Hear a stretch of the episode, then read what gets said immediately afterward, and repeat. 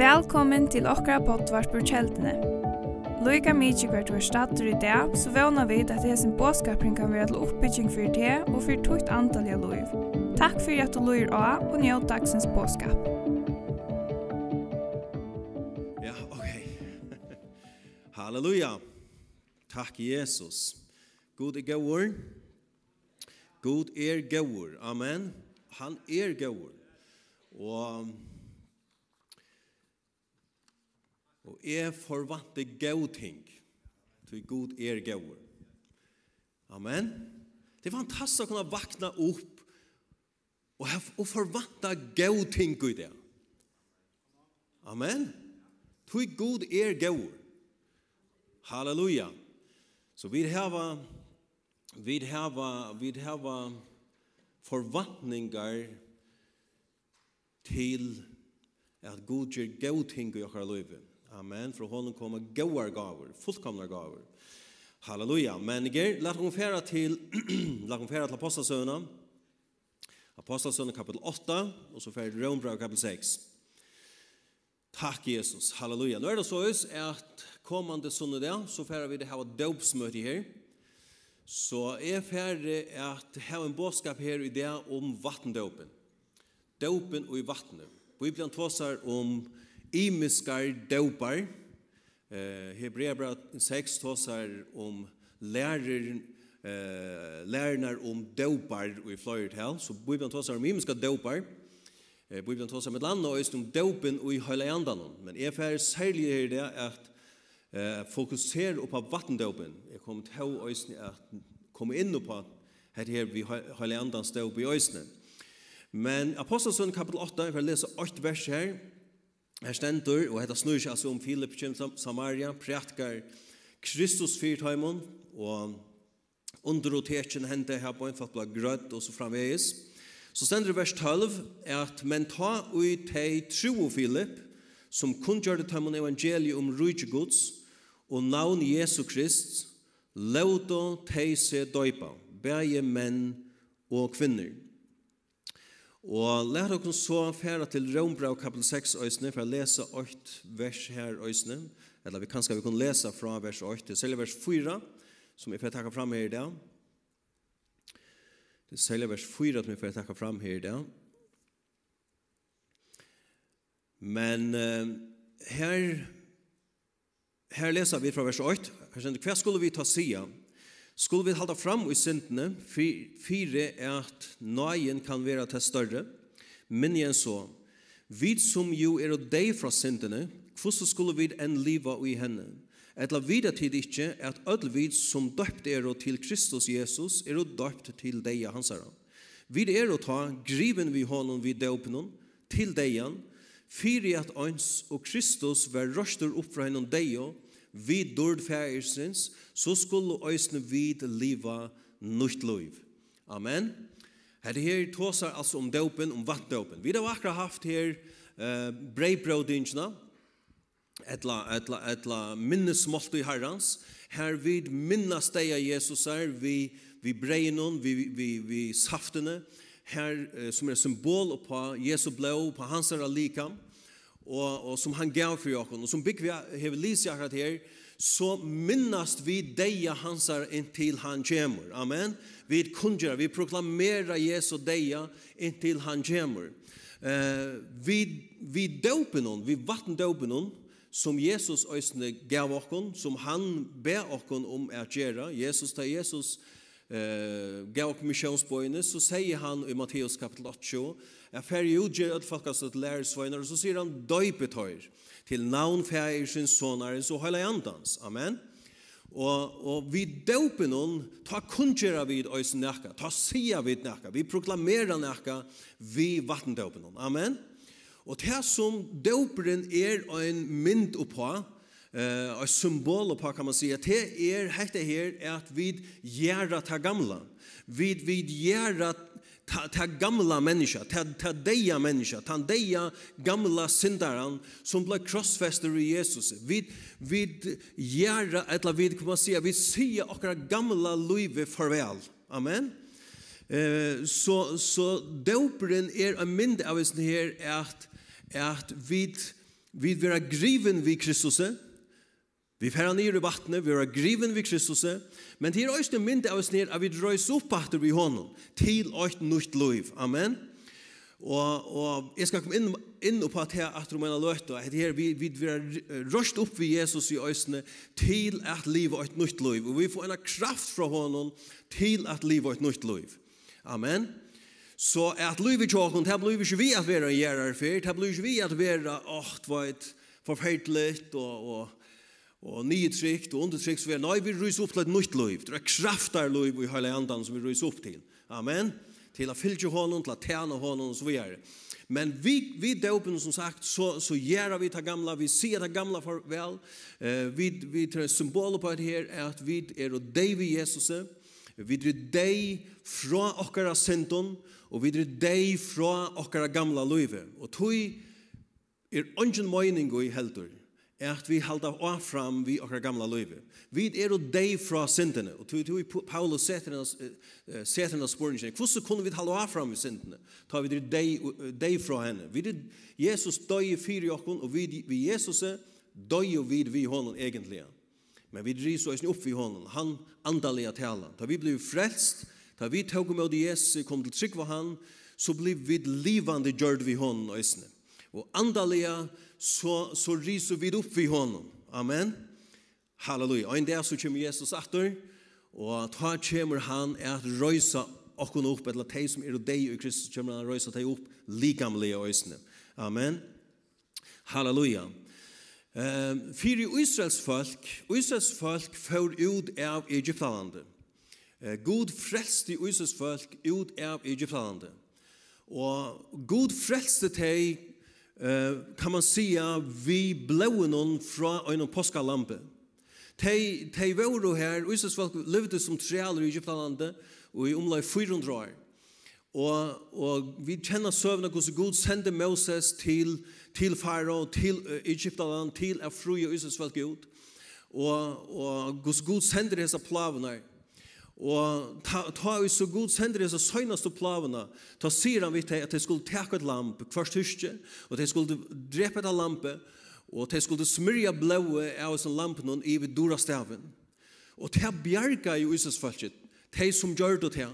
Ta bjerga i tøymen undan dømen. Tan dagen, sier Bibelen, at god helt døm iver, iver godon i Egypta, godon i Egyptalandet. God helt døm tan dagen. Men god bjerga i synden falske. God bjerga i synden falske undan dømen. Uh, og, og, og vi blåen noen av hesson påskalampen som er symbol av Jesu blåen. Og tan dagen, ta sier far og nu nok, færg ut, slepp deg noen sted, jeg vil ikke ha vitt kunne mer gjøre, og Israels folk fyr ut av Egyptalandet. Bibelen sier at de kom og så til Reiehavet, og vi leser at Faro, han, han enkra i det som han har gjort, egentlig. Han, han, han har lett det ferdig, men han ber hoksa, nei, jeg skulle ikke gjøre det her. Så han sender herren til oss at han og Israels folket. Og tid hatt er øysen til som hender, kan man sia, og i liven og tjokken andalega. Tid her er at vi blå frelst ut av Egyptalandet, vi blå sett i frihøyde ved Jesu dyra blåe, vi blå sett i frihøyde fra myrskenen, amen, som vi akkurat sunnkje om her på, er at til som frelst i okken ut av myrskenen og til dyrdar ljøs, han sett i okken frihøyde. Kolosserbrev i kapitel 8, vers 12 og 13, amen.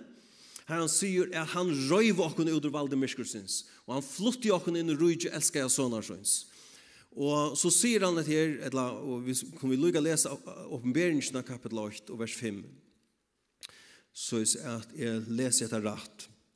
Og heter en halsan fra Jesus til samkomnar. Og, og han sier her i vers 5, og fra Jesus i Kristi, hinnom troverda vittne, hinnom frumborna av hinnom deg, og herranon iver kongon gjerrarenar, honom som elskar okkon, og hever lost okkon fra synden okkar vi blei søgnon Og nästa vers byrjar vi a sia, eller sia så og just okkon til kongarøyge, til presta för god og färg i synen. Amen. Hon vill då måste jag alltid att det Så Jesus, god frälste okkon. Han frälste okkon vi Jesu blåe. Han som älskar okkon och har lost okkon eh, fra synden okkara, vi synden dyra blåi, så god frelste okkar fra Valdemirskursens, vi lampsens blåi, vi Jesu dyra blåi. Og han er ikke bare frelste okkar fra nøkron, han frelste okkar nøysen til nøkka. Bibelen sier han er gjørst okkar til kongar og til prestar. Han er gjørst okkar til nøkka. Men, men sagt du, akkurat som vi, vi tar i uses folk ut av Egyptalandet, så engra i faro da. Faro, han, han er en mynd av satan, han er mynd av djevelen.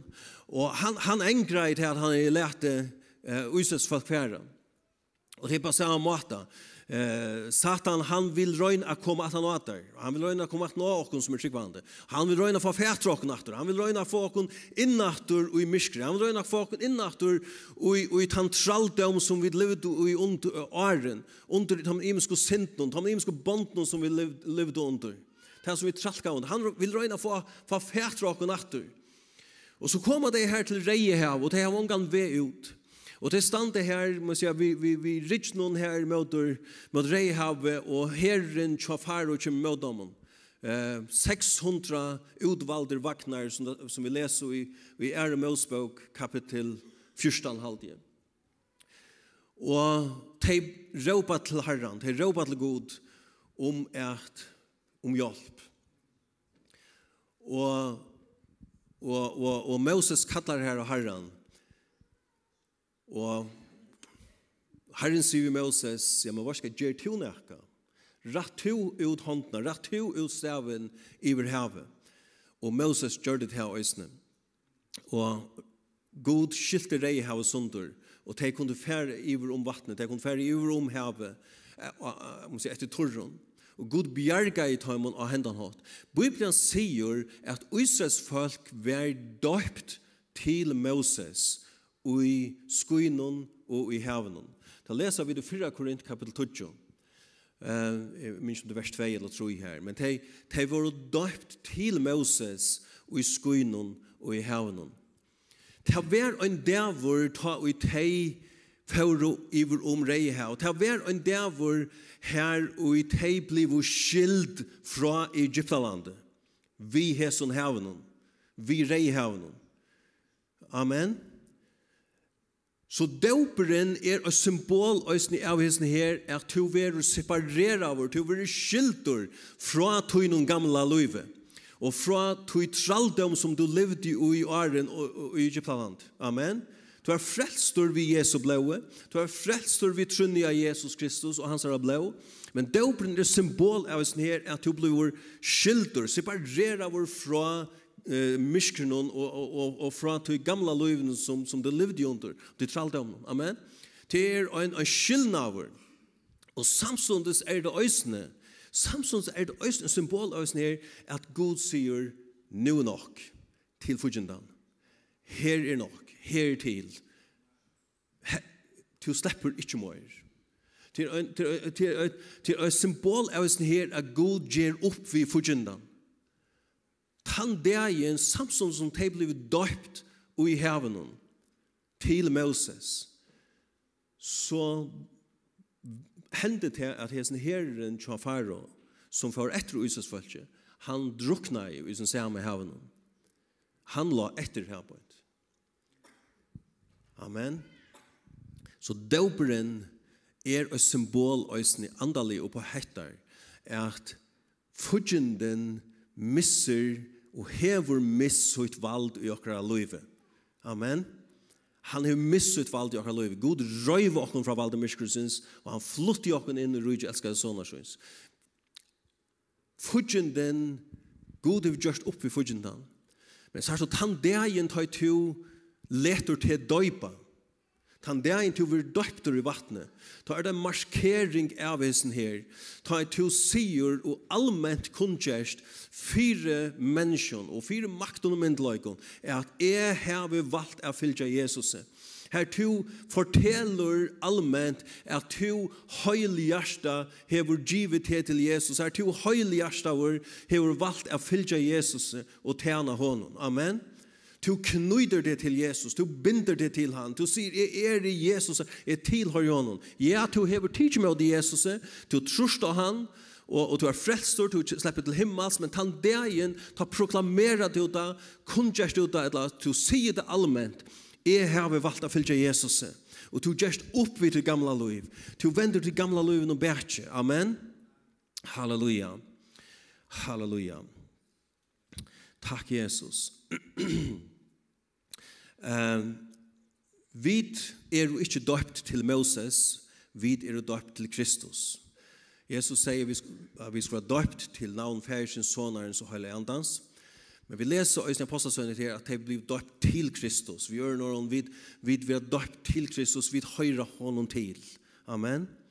Vi høyre hånden til, til hånden som vi høyre til, til hånden som vi tjener. Um, men La meg si det her, Øysne, og, og til det at døper i seg selv, han frelser ångan. Jesus sier, og jeg kan lykke lese til Øysne, Marskos kapitel 16, Og vers 16, her sier Jesus, han sier, ja, første vers 15, han sier, han sier vi tar for jord i Adlanheimen, og præst evangeliet for den skapningen. Tann og i tror, vers 16. Tann og i tror og være døpter, skal være frelster, men han og ikke tror skal være fordømter. Så døperen og i seg selv han frelser ångan.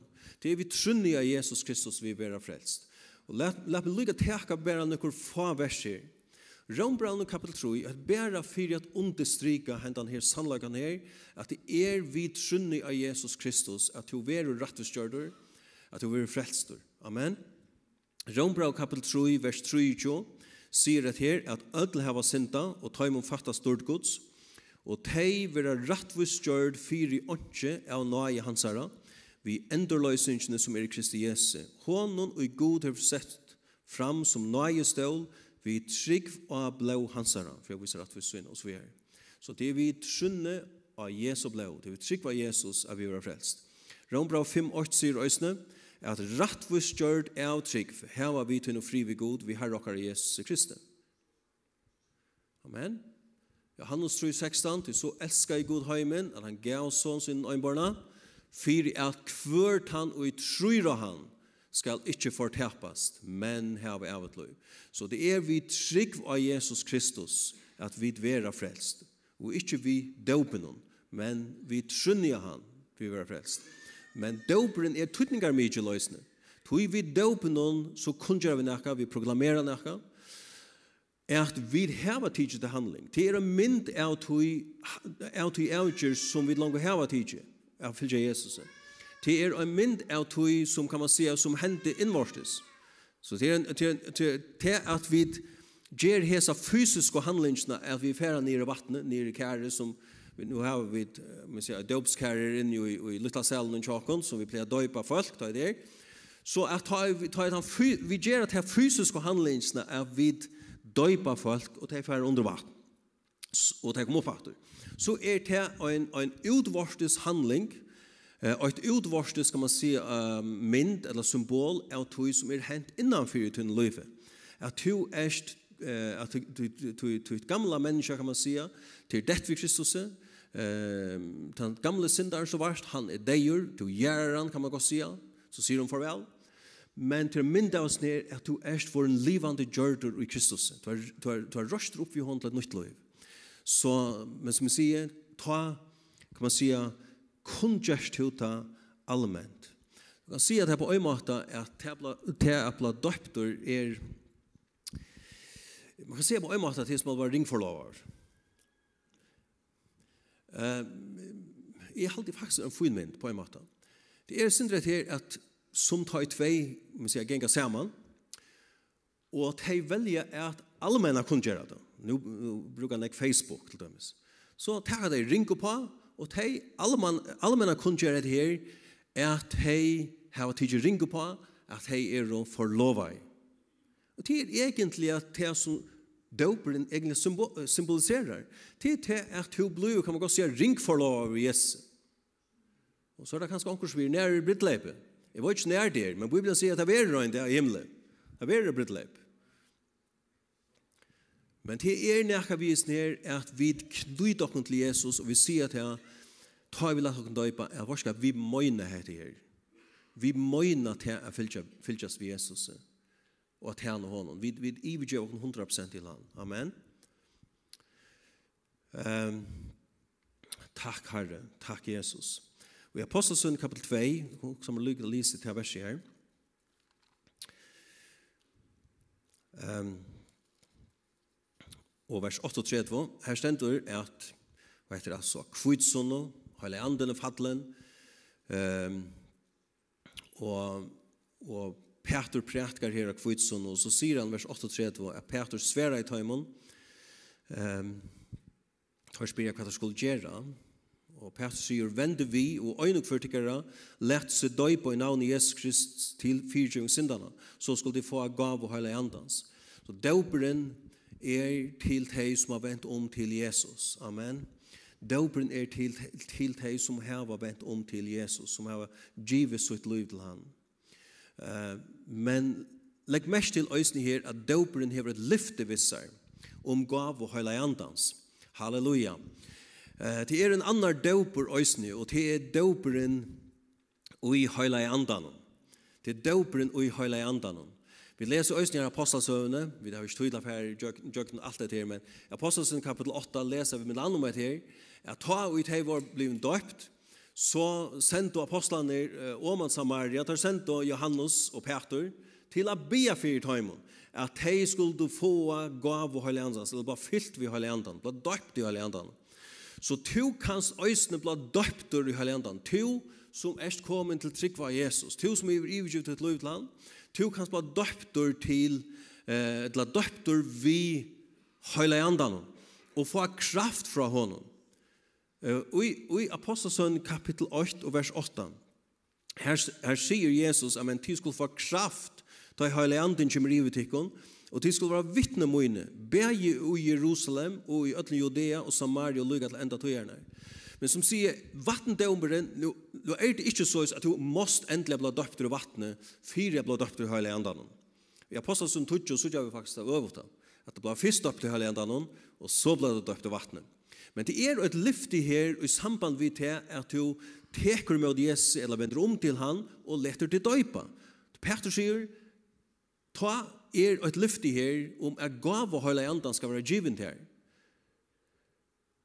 Og så hørst du, henda gavan, gav og høyla andans, døperen og i høyla andan, kraften og i høyla andan, er ikke til teg som vilja liva holvhjersta for Jesus. Hon er, henne hen kraften er er til till som vilja liva leva men så har vi ögonböjen innanför och ögonböjen utanför. Håll utanfor. hjärsta synd vi först lukka som inn i Guds rydj og så i heimen vi först. Hon er til dig som inte fylgja Jesus i helhjärta og tjene hon helhjärta. Men er du her på at du sagt ja Jesus er tog og inte tjene til, inte liva for det så er det en døper i hele andan som han også ikke at du skal møttakke. Og, og vi møttakke døper i hele andan vi trygg som vi møtekke er er gaver fra honom, er sikninger fra honom. Amen. Og, og vi kunne be om at du kan bli døpt i hele andan, at du kan bli fyllt i hele andan. Amen. Få kraft fra honom. Få kraft til å livet han og ikke liv i honom. Amen. Så som, som Rombra kapitel 6, vers 4 sier, er at vi driver griven vi honom, Griven vi honom, amen. Og, og vi drøst opp vi honom oss til at leva nytt liv. Men god ikke gjør at en kraft la livet han og gjør livet. En kraft i høyla andan. Amen. Halleluja. Halleluja. Jeg har åkna tid som myndna fram om, om, om Hernan, eh, nå du ikke uttaler, Cortés. Eh, han, han var en, han var en herrløyere en herflotta kapteiner i, i, i, i, i spanska herren. Og han var sendur ut vid Trombovenon, eller til missionene, at færa til Mexico at teka Mexico Og han kommer til, minns mig rett, så kommer han til Veracruz, og det er i byrjan av 1500-tallet, 1500 og 29-20 her og denne. Og, og bøyene som han gjør til ham til å komme til Mexico er at brenne skipene. Brenne skipene. Og um, årsaken var at tøyre skulle ikke ha noen møvlegger med datter.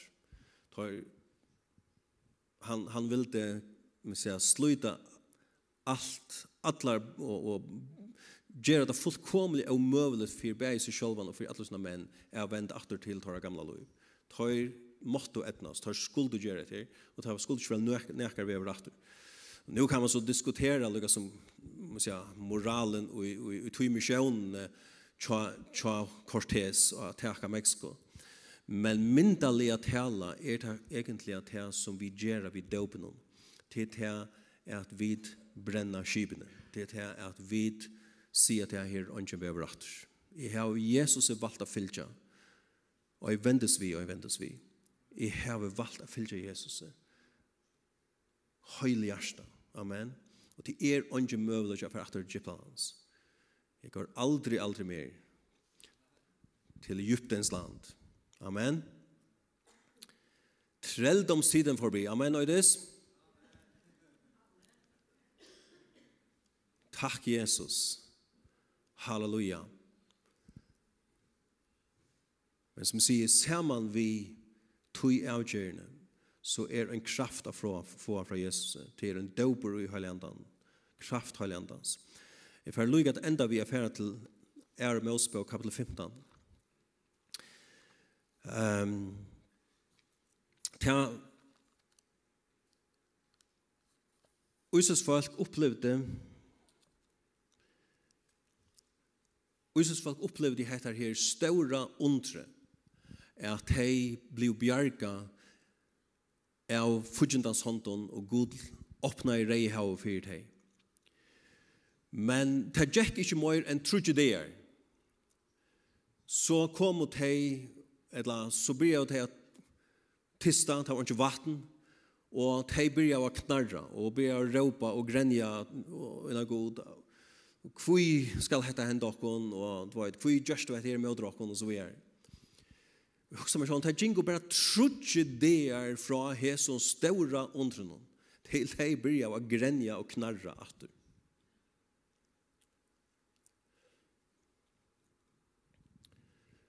Og, og de koma til dette her vattnet som kattas for Mara, og Mara mestjer bøkst, det var bøkst vatten, de finner ikke drutje.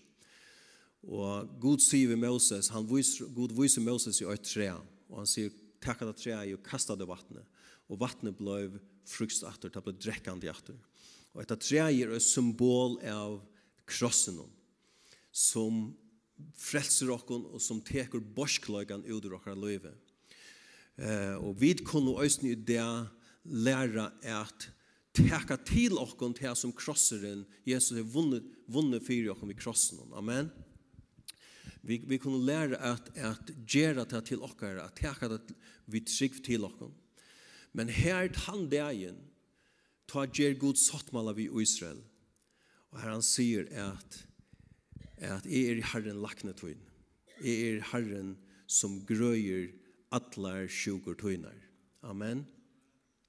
Men jeg kommer huske meg til, hvis vi kan lykke å lese Salma 8,5. Øysene. Um,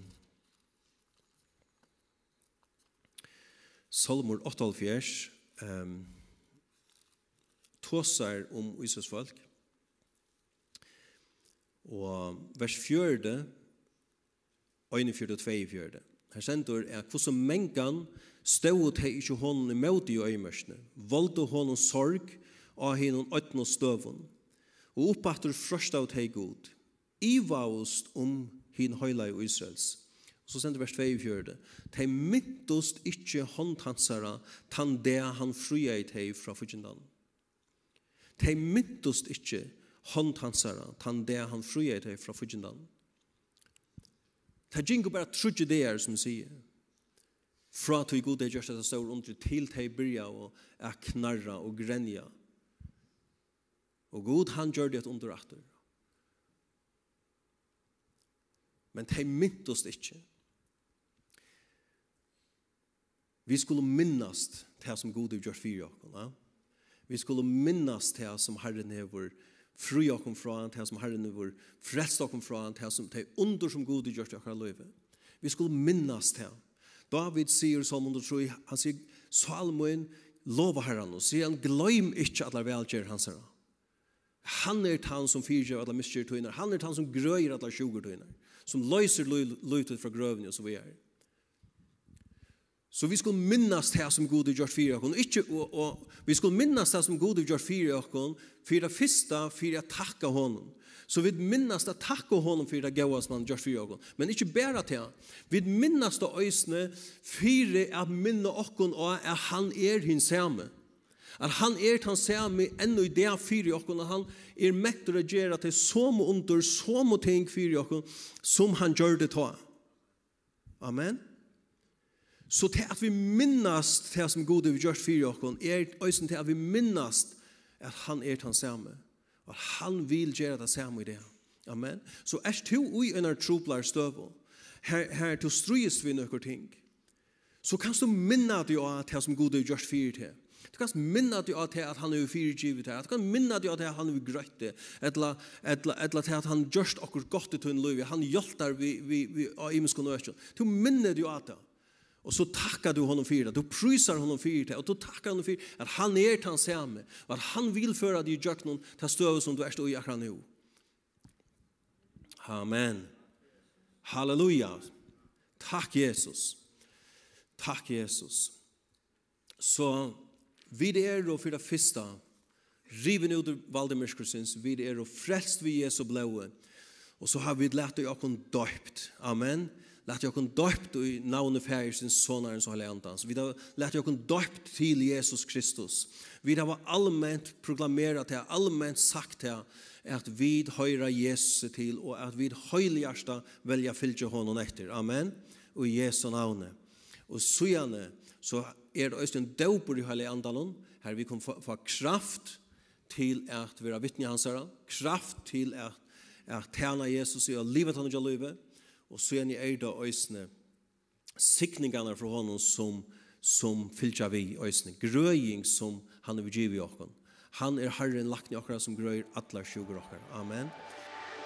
Amen.